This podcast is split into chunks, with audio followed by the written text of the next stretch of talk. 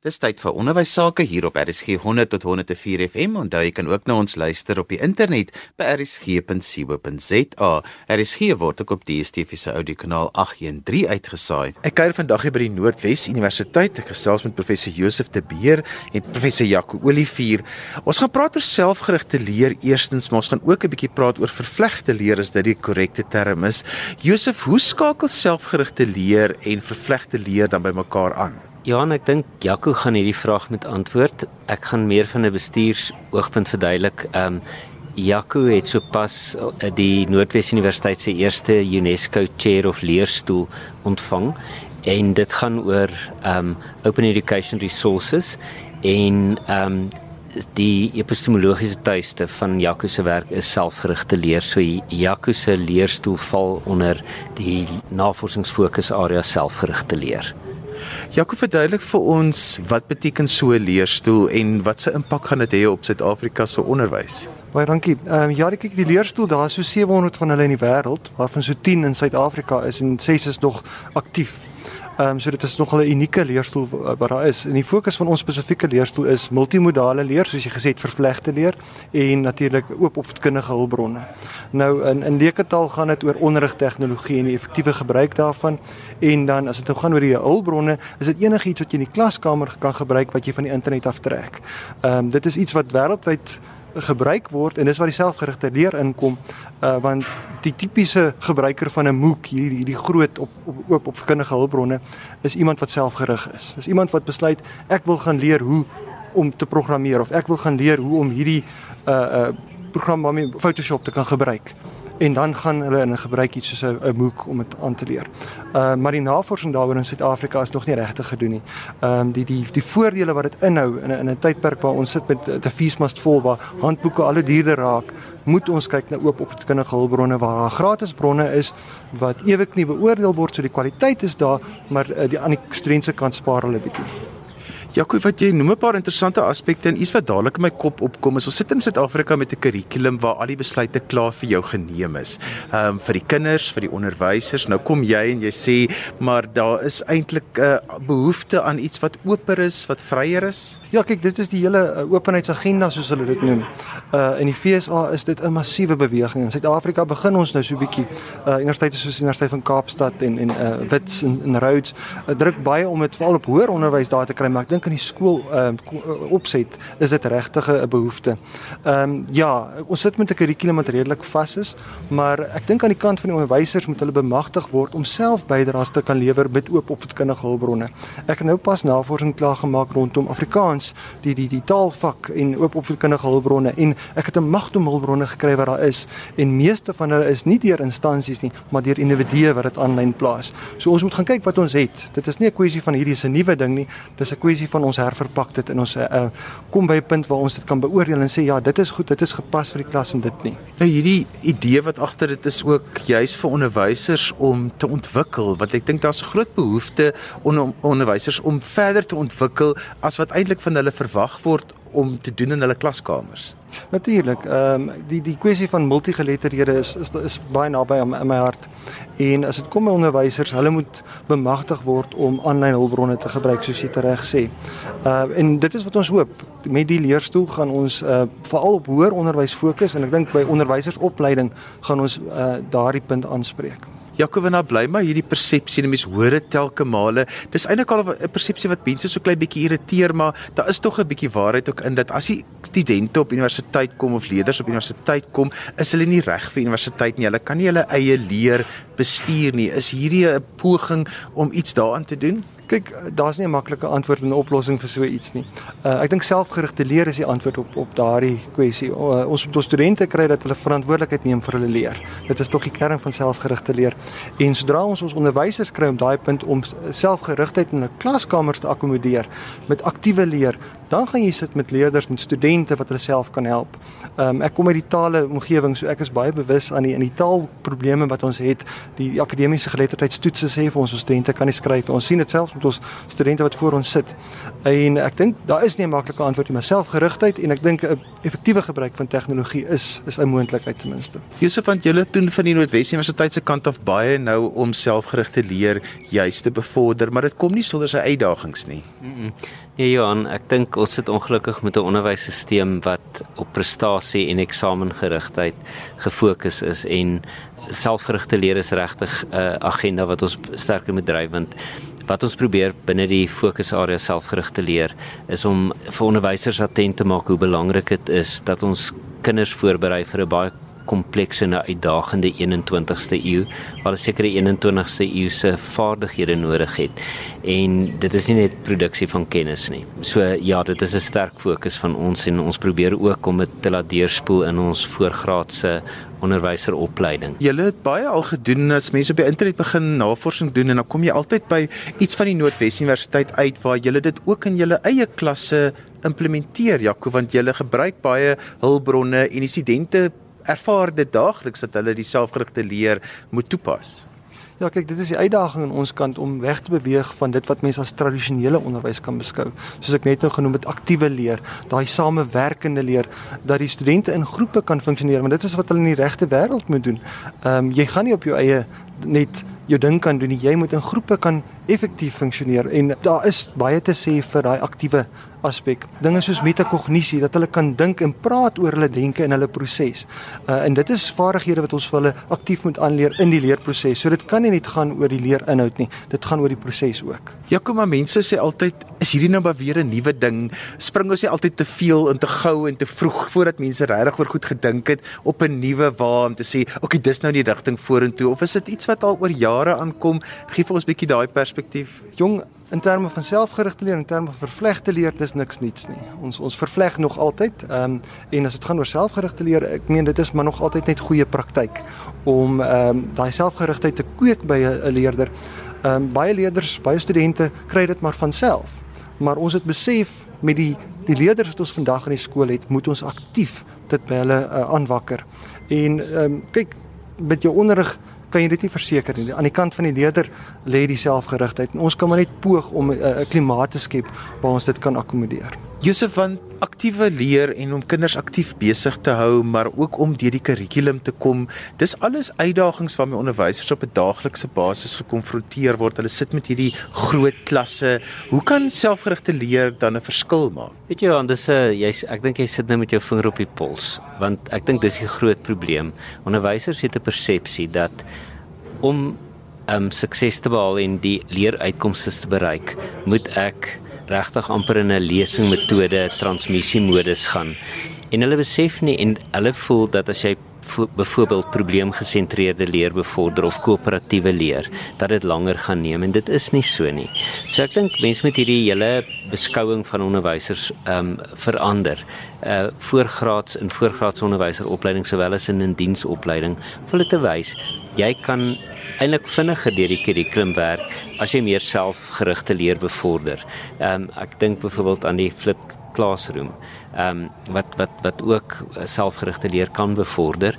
So Ons het 'n sterk fokus in ons onderwyseropleidingprogramme om probleemgesentreerde leer en effektiewe koöperatiewe leer um, te bevorder en wat ons nou begin het in ons kort leerprogramme vir onderwysers is om hulle te wys dit gaan jou nie langer tyd neem nie jy kan nog steeds hou by die die skedule wat jy kry van die onderwysdepartement maar dit gaan oor ek dink Lortie praat van die apprenticeship of observation en onderwysers is so vasgevang in hulle was 12 jaar op skool waar hulle hulle onderwysers waargeneem het wat transmissiemodus onderrig doen. En dit gaan regtig daaroor om vir hulle te laat afstand doen van dit wat hulle aangewoond is en regtig te besef maar ek gaan iets nuuts probeer en en regtig met 'n oop gemoed te doen en nie hierdie persepsies te hê en dis 'n wanopvatting dat dit noodwendig langer vat want dit is nie so nie. Ek kon net byvoeg ehm um, Josef het nou die flip classroom, die omgekeerde klaskamer genoem. Ehm um, ek het met 'n kollega gepraat in in Spanje wat selfs in die laerskool dit toepas waar hulle vir die leerders vra ehm um, jy en jou ouers gaan kyk hierdie video en môre in die klas doen ons die toepassing sodat die onderrig, die transmissie gedeelte wat hy nou genoem het by die huis gebeur en die ouers word betrek en dan in die klas kan hulle die probleme hanteer. Dit is uiteindelik 'n aktiewe ding. Dit is nêrens vir die kinders net sit en die inligting inneem nie. So die die omgekeerde klaskamer is iets wat in hoër onderwys uh, by ons universiteit word dit wyd gebruik, maar dit is selfs iets wat mense in die skoolkonteks ook kan toepas. Daar's 'n term wat deesdae baie omgaan wat hulle noem unschooling. Ehm um, hoe sluit dit aan by selfgerigte leer, vervlegte leer? Is dit 'n term wat in Suid-Afrika moet posvat? Ek hou nogal van die term unschooling. Ek ek, ek um, glo nogal aan daardie uh, sê ding van learn, unlearn en relearn. So ek dink as as dit gaan oor tegnologie en by vervlegte leer gaan dit oor die integrasie van tegnologie, moet ons maar soms die die die ehm um, die onderwysers en die leerders uh die die verkeerde gebruike afleer en dan weer voorbegin. Uh en ek dink hoe die tegnologie aanpas uh, word dit van ons vereis. So nee, ek hou nogal van die idee. Ek dink ons moet aanskooling wel toepas. Josef, daar kom 'n baie belangrike kongres op wat jy aanbied juis vir onderwysers om die lewe vir hulle makliker te maak. Is een van een van die belangrikste dinge wat hierdie jaar op die opvoedkundige kalender gebeur. Vertel gou vir ons luisteraars daarvan. Dankie Johan. Ja, ons het 'n baie opwindende kongres vir selfgerigte leer. Dit is die 5de tot die 7de November. So ek hoop mense kom nie net vir aardklop uh, Potchefstroom toe nie, kom gerus ook na ons kongres toe. Dit is 3 dae, dit is word word gedoen by die Elgra Hotel in Potchefstroom. En die tema is selfgerigte leer vir die 21ste eeu. Wat is die implikasies vir hoër onderwys spesifiek? Maar ons het 'n baie sterk fokus ook op onderwyseropleiding en ook dit wat in skole gebeur. So ons hoop dat ons ook baie onderwysers sal kry wat wil kom leer. Nou, um, ons het verskillende temas um, onder hierdie hooftema. Dit gaan oor onderrig en assesseringsstrategieë wat selfgerigte leer kan bevorder. Dan het ons een wat gaan oor dit wat Jaco van gepraat het, tegnologie en vervlegte leer en hoe dit selfgerigte leer ook kan bevorder. Dan kyk ons na gekontekstualiseerde kurrikula. Ehm um, en hier kyk ons byvoorbeeld na hoe mense neemse kennis kan invoer om konteks te gee ehm um, wat leerdermotivering in die hand kan werk. En jy het vroeër vir Jaco gevra rondom is uh, selfgerigte leer 'n nuwe ding. En ek en professor Elsa Mens wat die direkteur is van ehm um, die van selfgerigte leer het byvoorbeeld agtergekom dat die houers van inheemse kennis tradisioneel eintlik by uitstek selfgerigte leerders was wat moes probleme oplos in hulle onmiddellike omgewing. Ehm um, en dan kyk ons ook na the scholarship and praxis for self-directed learning as 'n vierde tema. So ons het 'n uh, wonderlike gassprekers wat kom van die buiteland, professor Carl Worth van McAllister College in die FSA en dan het ons ook vir professor Sharon Merriam nou al die luisteraars wat werk in kwalitatiewe navorsing sal weet van Sharon. En dan het ons ook vir iets uh, proudly South African professor Ignatius Gous van die NISA wat ons derde gasspreker is maar ons het 'n heerlike referate wat wat ingedien is wat gaan oor vervlegte leer oor kurrikulum aspekte rondom selfgerigte leer.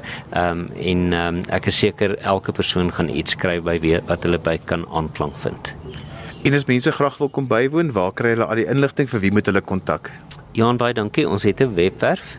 Ehm um, education.nwu.ac.za en dan 'n streep STL of hulle kan 'n e-pos stuur stl@nwu.ac.za of hulle kan op die Potchefstroom kode 018 ontskakel 299 4780. Ek gesels met Margolay Rickert. Margolay, kom ons praat oor verskillende leerstyle. Hoekom moet onderwysers daarvan weet? Weet jy Johan, um, kyk mense of leerders, studente, volwassenes leer nie net teen verskillende tempos nie, maar hulle um, leer ook op verskillende maniere. Daar is byvoorbeeld leerders wat dalk beter leer as onderwysers op die bord skryf, ander verkies dalk eerder om te luister. Dan is daar leerders wat op hulle beste leer as hulle sit en luister en die leerstof in die uh, jy weet in op prentjies krabbel en en skryf. Um so hierdie individuele voorkeure word dan nou leerstyle genoem en ek dink dit is nogal belangrik vir onderwysers om dit in ag te neem veral tydens lesbeplanning, tydens aanbieding van 'n les, tydens assessering. Uh kinders gaan verskillend vaar omdat hulle verskillende en persoonlike voorkeure het. Maar bly onderwysers sit al klaar met groot klasse. Nou kom ons met verskillende leerstyle. Is daar baie verskillende leerstyle of kan 'n mens dit dan afbaken net na 'n paar toe? Weet jy daar is op die einde kan jy dit afbaken na drie hoof wyse waarop ons kan leer. Dit is visueel, so dit is wanneer leerders nodig het om te sien sodat hulle kan leer. Dan is dit auditief. Dit is wanneer um, hulle luister en regtig luister na wat hulle hoor en dan is dit kinestetiese leerders en dit is daai daai klompie wat die aksie nodig het wat wat hulle van hou om te beweeg en um jy weet om om te doen. So ehm um, ja, dit is dit is in 'n neete dop wat leerstyle aanbetref. Nou kom ons gesels oor die groter klasse want dit is mos nou onmoontlik om met 'n klas van 40 of 45 kinders verskillende leerstyle en elkeen se individuele leerstyl aan te voldoen. Ja, weet jy Johan, in skole waar die klasse so groot is, is dit amper onmoontlik om totaal en al inklusief te onderrig. Jy weet lande soos Finland waar klasse baie klein is, hulle is gemiddeld so 10 tot 15 leerders in 'n klas maak dit nogal moeilik. Maar ek moet vir jou sê daar is onderwysers hier in ons land wat baie kreatief is. Um ek het nou die dag byvoorbeeld gehoor dat hulle of ek het dit self ervaar dat hulle deel leerders veral as dit hierdie groot groepe van 30 tot 40 kinders is, dan deel hulle leerders in in groepe. So hulle het eintlik maar hul verskillende werkstasies en by elke werkstasie fokus hulle op verskillende aktiwiteite en 'n verskillende leerstyl en dan roteer roteer hulle dit so. So dit is nie heeltemal onmoontlik nie. Dit verg maar net ook 'n bietjie kreatiwiteit van die onderwyser se kant af om die les so te inkorporeer dat almal op die einde daarbey baat vind. En natuurlik ook dat mens jy weet die ander leerstyle ontwikkel. Ehm um, dit beteken nie as as dit nie jou voorkeur is dat jy nooit blootgestel gaan word daaraan of dat jy nooit nodig gaan hê om ander jy weet leer leerstyle te te gebruik nie. Jy jy gaan dit moet ontwikkel. Maar gelei daar's baie kenners wat vir se kritiek het teen leerstyle en wat amper sê dit kan kinders se toekoms knielter want hulle word dan van 'n jong ouderdom af al geëtiketeer as 'n visuele leerder of 'n auditiewe leerder of 'n kinestetiese leerder terwyl ons mos eintlik maar uit alles 'n bietjie van het. Ja, weet jy, uh, James Atherton skryf in sy boek Learning Style Don't Matter dat die leerstyl teorie baie keer in die regte lewe 'n uh, akademiese leksheid is. Um, of weet jy die realiteit is dat die meeste meeste kere uh, onderrig 'n onderwyser op die manier wat hy of sy um, voorkeure is en dan natuurlik sy ervarings. So ek dink die ideaal is op die ou ende om 'n heelbrein klaskamer te hê waar jy al die leerstyle in jou les en in jou assessering ensovoorts akkommodeer. Uh so word leerders van alles blootgestel en dan ontwikkel hulle op die ou ende hulle ander sintuie. Ehm um, ja, so 'n voorbeeld daarvan 'n baie oulike voorbeeld is byvoorbeeld origami in die klaskamer. Nou as jy gaan kyk waar jy wiskundige begrippe met origami kan vaslê, en dan beteken dit nie dat hierdie verskriklike or uh, modulêre origami modelle te wees nie, eenvoudige goedjies wat enige iemand kan baas raak. Wat doen jy as onderwyser? Op die einde wys jy dit vir die leerder. Ehm um, so met ander woorde, hulle sien dit, jou visuele leerder. Jy jy weet jy gee opdragte so 'n kind luister en moet weet presies hy moet van links bo na regs onder vou of hoe ook al. Uh en hulle doen dit fisies en dit waar daai kinestetiese leerders baie by. Maar Guleman, ek dink waar baie mense dit verkeerd verstaan het is dat 'n mens dieselfde inligting op drie maniere moet gee en dit was glad nie die idee agter hierdie leerstyle nie. Nee, nee definitief nie. Nee, dit dit gaan nie daaroor dat dat jy net jy weet op die ou en dit in verskil of die hele tyd verskillend um moet aanbied. Jy moenie net fokus op visueel of net fokus. Jy weet ek ek onthou toe ek byvoorbeeld op skool was, was daar 'n onderwyser gewees wat jy weet daar al voorgestaan en uit die handboek uitgelees en dit is hoe hy skool gehou het. Ek dink jy moet net bietjie versigtig wees vir so 'n tipe leers. Dan moet jy regtig, soos ek sê as onderwyser kreatief aktief dink en net 'n bietjie kyk daar's soveel moontlikhede hoe om dit vir 'n kind lekker te maak. Al al is dit nie om om om jy weet verskillende leerstelle te ontwikkel, sintuie te ontwikkel. Ek dink ons het die tegnologie om dit te doen. Uh ons het definitief um het ons baie goeie onderwysers in hierdie land, kreatiewe onder onderwysers. Verstaan ons moet net ons moet net 'n bietjie ingaan daarop en ons moet net bietjie onderwysers bemagtig met hierdie kennis. Maar gelyk, wat is die verband tussen inklusiewe onderwys en leerstyle? Weet jy, uh, inklusiewe onderwys um, sluit nou maar ook in uh, gestremdhede in 'n klaskamer. So dit dit is nie net leerstyle nie, maar jy weet dit dit sluit maar 'n klomp goedjies in. Dit gaan maar oor oor oor verskillende gestremdhede wat in een klaskamer of as daar dalk gestremde leerders is wat in een klaskamer sit en hoe om dit dan te benader. So watter bydrae kan dit byvoorbeeld dan maak juis om onderwysers wil ek sê inklusief meer ehm um, toeganklik te maak en dit vir die kinders meer vriendelik in die klaskamer te maak juis as 'n mens begin kyk na verskillende leerstyle. Johan, weet jy professionele ontwikkeling is definitief 'n oplossing en ek kan vir jou regtig voor sê dat uit uit 'n klomp kongresse waarby ons nou al was en uh, waar ons spesifiek jy weet personeel opgelei onderwysers is vrees, vreeslik leergierig en vreeslik gretig om te leer. So ek dink nogal dat ehm um, jy weet dit is baie belangrik dat dat onderwysers die hele tyd hulle self moet ontwikkel en en kursusse ensovoorts moet gaan bywoon. Die skoolondersteuningsentrum is tans besig om 'n bietjie navorsing te doen oor die gemoedstoestand van onderwysers, hoeveel tyd onderwysers spandeer aan buitemuurse aktiwiteite teenoor persoonlike ontwikkeling ensovoorts. En ek dink mense moet 'n bietjie daarop let en 'n uh, bietjie weer tyd inruim vir persoonlike ontwikkeling um, en en net 'n bietjie weet dit vir hulle oopmaak.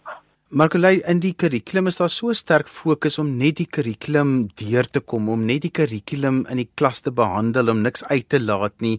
As 'n mens nou begin kyk na leerstyle, baie mense het hierdie opvatting dat verskillende leerstyle gaan jou nog verder vertraag om deur die kurrikulum te kom, terwyl dit eintlik jou kan help om vinniger deur jou kurrikulum te kom. Definitief. Um vir elke onderwyser is dit 'n uitdaging in die klas om deur daai kurrikulum te werk.